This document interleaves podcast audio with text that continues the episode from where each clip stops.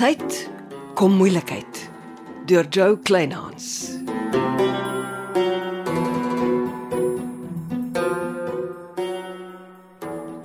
Gertrude, al staan ek heel dag vir jou deur, maar praat gaan ons praat. Johnny, ek het jou al 100 keer gesê, maak 'n afspraak. Jy weet waaroor ek wil praat en jy kan my nie in die oë kyk nie. Maar wag tot die polisie se ondersoek afgehandel is. Ek wag nie 'n damn dag langer nie. Jy gaan my in die oë kyk en praat. Ek bel die polisie nou. Kom aan, Gertrude. Jy weet die skeepstrommel wat onder die visdammetjie uitkom, kom vanaf die Johanna af. Johanna, Nie Johanna van Wyk nie, van Johanna die Oos-Indiese skeepswrak wat in 1682 11 km van Kaapagullas gesink het. wat? Hoe weet jy dit? Dis die enigste logiese verklaring vir die skeepstrommel. Jy weet goed jou Karel en Sarah van Wyk het goud van die skeepswrak gehaal. En my oupa, John Morkel, het hulle met sy boot die vispasel gehelp. Ek weet niks van Karel se werksake af nie. Ek was net sy kombuisvrou wat vir hom kos gemaak, sy wasgoed gewas en gestryk het. Gertrude, jy weet julle Germeshuis en se skatte het nie uit die lug geval nie. My man was 'n suksesvolle bouer. Jy het self geskryf hy en Sarel het Seebult en Dolfynbaai soos onkruid laat opskiet. Met geld wat hulle waar gekry het. Karel was maande lank in die buiteland om fondse te bedel omdat niemand vir 'n klein maatskappy soos Karel en Sarel die nodige geld wou voorskiet nie. Hy was geen in die buiteland om fondse te bedel nie. Hy was in die buiteland om saam met die Chernoffs van Genadenburg goud en silwer te smous. En terselfdertyd het die Germeshuisens kwaai en diamante begin belangstel. Jy praat met die verkeerde mens, Johnny. Ek weet niks van Karel se besigheid nie. As Sarel nog geleef het, kon hy jou vrae geantwoord het. Kan ek inkom? Om nog op my te staan en skree, hè? Al wat ek uit die sersant kry, is dat daar 'n menseskelet in die skeepstrommel is. Ons weet dit was nie Karel of Sarel se skelette nie. Al wat oorbly is my oupa Johnny se skelet. Maar jy nie sulke aannames maak nie. My oupa was goed genoeg om die goud en silwer vir die boere land toe te bring, maar hy was nie goed genoeg om sy kat te kry nie. Luister, jy werk jouself op met aannames. Ek dink jy werk met feite, Johnny. Oupa John het sy moer gestrip, in die nagte rig gegaan met sy boot om sy kat te gaan haal, maar Karel was te slim vir hom. Karel het hom op land ingewag. Dis hoekom my oupa se boot op land gekry is. Karel was nie lus om sy skatte met 'n visserman te deel nie. Toe vermoor hy hom en druk hom in die trommel onder die grond in. Kry jou ry, Johnny. Ons het niks vir mekaar te sê nie.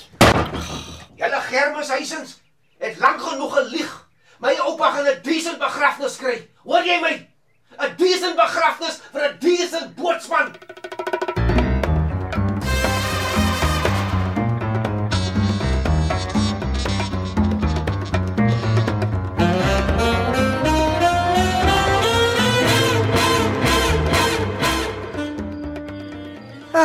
Ek is 'n goeie geselskap nie, Celeste.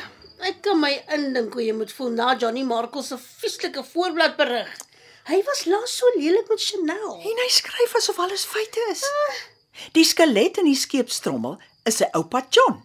En sy oupa het in die trommel beland na onder onsie met my Karel skeef geloop het. Ja, hy beskuldig Karel blaatant van die moord op sy oupa. Hoe wys ek ooit weer my gesig in die dorp, hè? Gertrude.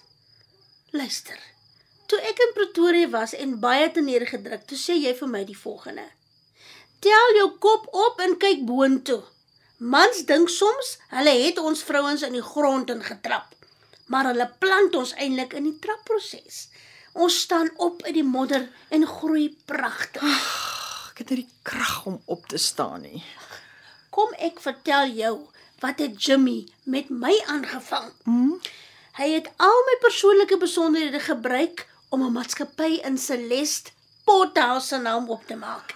Hy het onder andere vir Servaas Serfontein elke maand R10000 uit hierdie maatskappy uitbetaal. Maar dit is gemeen. Dis Jimmy. Ek het dringend alles van hierdie maatskappy laat nagaan en ek het onmiddellik na my egskeiding mos my nooiens van teruggekoop. Mm -hmm. Die maatskappy is in Celeste Pothouse se naam geopen na my egskeidingsdatum. Ek was toe nie meer Pothouse nie. Maar dan dis dit mos goeie nuus. maar dit bewys nog nie my onskuld nie. Ek kan hoor hoe teem die sergeant oor my slinksheid om 'n maatskappy op my vorige van oop te maak omdat ek skelmsake met die maatskappy bedryf. Dis of ons almal in die kloue van 'n 'n seekat beland het. Ja. En die seekat kry net al hoe meer tentakels wat ons insuig. Hoe kom ons uit hierdie gemors uit? Mors. Danksy die mans in ons lewens. Ja, ja. En die gereg wat die gemors moet ondersoek is meestal mans. Ja. Ek en jy is nou besig om mekaar in 'n asblik in te Ag, praat hoor. Maar ek voel pure asblik. As ek jy is, laat ek my prokureur 'n verklaring uitreik wat ten swaarste beswaar maak omdat Johnny sy koerant gebruik vir persoonlike aanvalle sonder grondige bewyse. Ja, my prokureur het my vroegoggend gebel. Hy is besig met stappe teen die seebult nuus. Dis goed, dis goed. Johnny Marco kan nie aanklaer en regter speel. Ja. Sy koerant het 'n verpligting om eties met die publiek om te gaan. Ja, maar die skade is klaar gedoen. Seebult se kop is klaar vol gif gepomp. Ek sal hierdie trust moet bedank. Anders kry jy nie weer 'n enkele skenkel nie. Nee, stadig nou, stadig nou, Gertrude. Ons het op die oomblik oor genoeg fondse. Kom ons wag tot die skinderwinde ophou waai. Ah, nou maar, jy kan maar eerlik wees, hoor.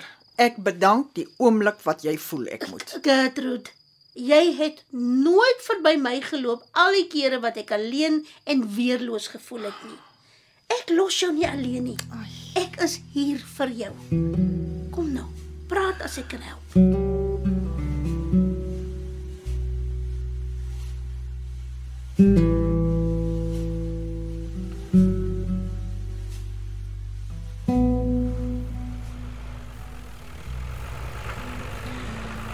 Celeste, nie gedink ek sien jou ooit weer naby Krye Oase nie. Ai. Ek was by Gertrude. Sy's flenters. Uh, Wat gaan hier aan? Die sergeant het met 'n lasbrief opgedaag.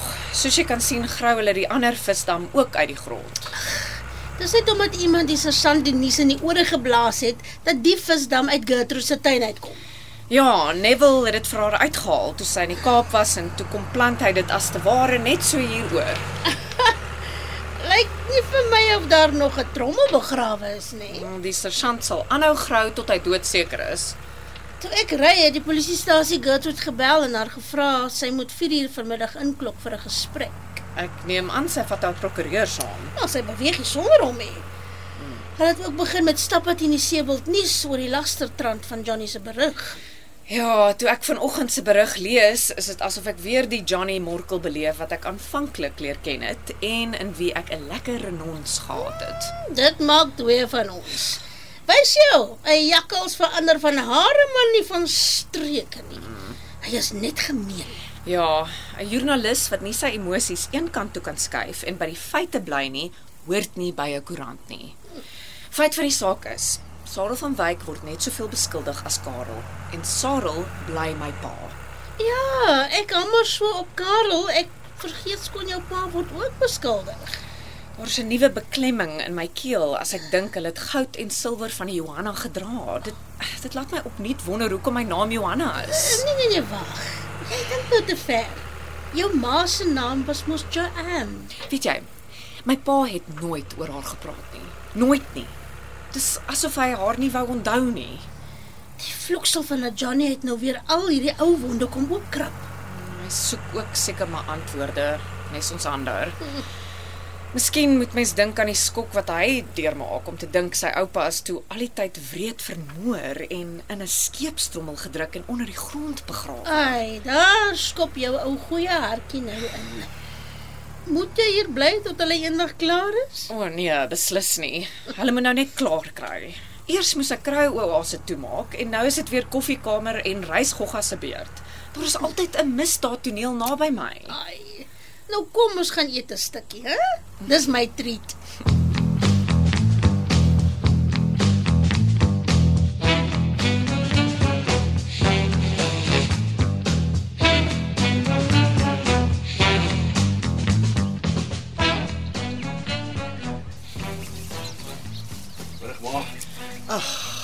Nie lus vir mense nie. Ek het net kom in. Man, loop voor ek ongeskik raak. Kan ek 5 minute met ma oor Magdalt se laaste besoek aan Sebald praat? Wat se besoek? Toe pa so vreeslik verlang het en sy 2 weke afgekom het. Ja, wat daarvan? Magdalt was in 'n verskriklike neerslagtige by toe sy teruggekom het in Mooinooi. Dis omdat sy met jou getroud was en liewer in Sebald wou bly. Nee, ma. Sy het genoem sy het skaars tyd vir ma gehad want pa het haar 24 uur per dag besig gehou Wel, haar pa het haar gemis. Dis mos hoekom sy hiernatoe gekom het. en sy het laat val sy wens sy het nie gekom nie. Ja, want die gegroetery was altyd vir Magdal baie erg. OK, goed. Ek volstaan met een opmerking van Magdalt.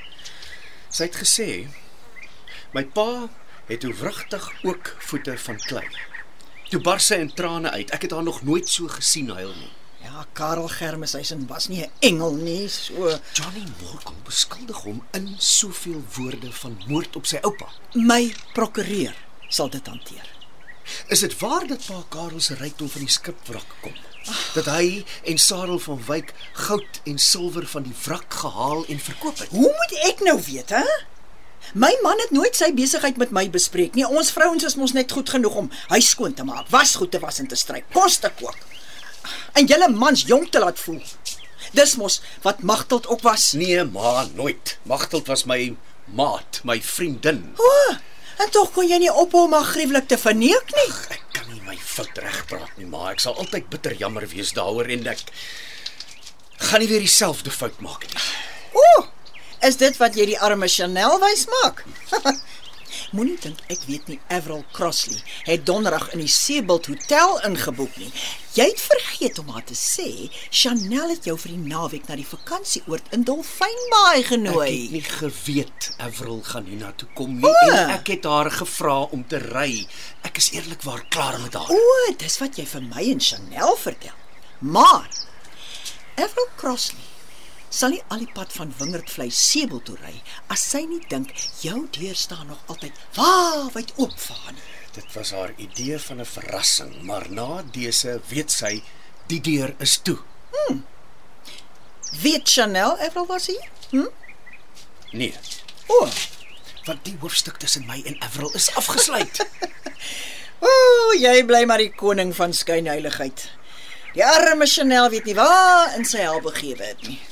Ek verwag nie dat ma oornag anders van my sal dink nie, maar ek beloof ma, ek het my les geleer. Ja, ja, tot die volgende Avril weer jou pad kruis.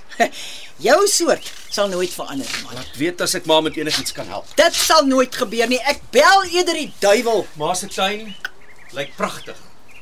Soos gewoonlik. Ja, ja. Dag ma. Johnny,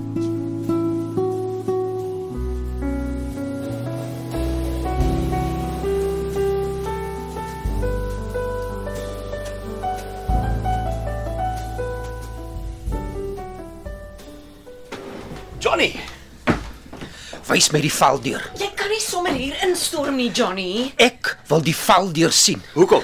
Dis waar Karel Germeshuisen en Sarel van Wyk al hulle geheime in weggesteek het. Nog een van jou emosionele aannames. Niemand maak soveel moeite vir niks nie. Wel, daar was niks onder in die gat nie. Ek wil die valdeur self oplig en vir myself sien wat gaan vir wat. Nee, jy kry jou ry of ek bel die polisie. Jy het nou genoeg vuur aan die brand gesteek. Julle kan nie langer Karel en Sarel se sondes toesmeer nie. Die uur van waarheid het aangebreek.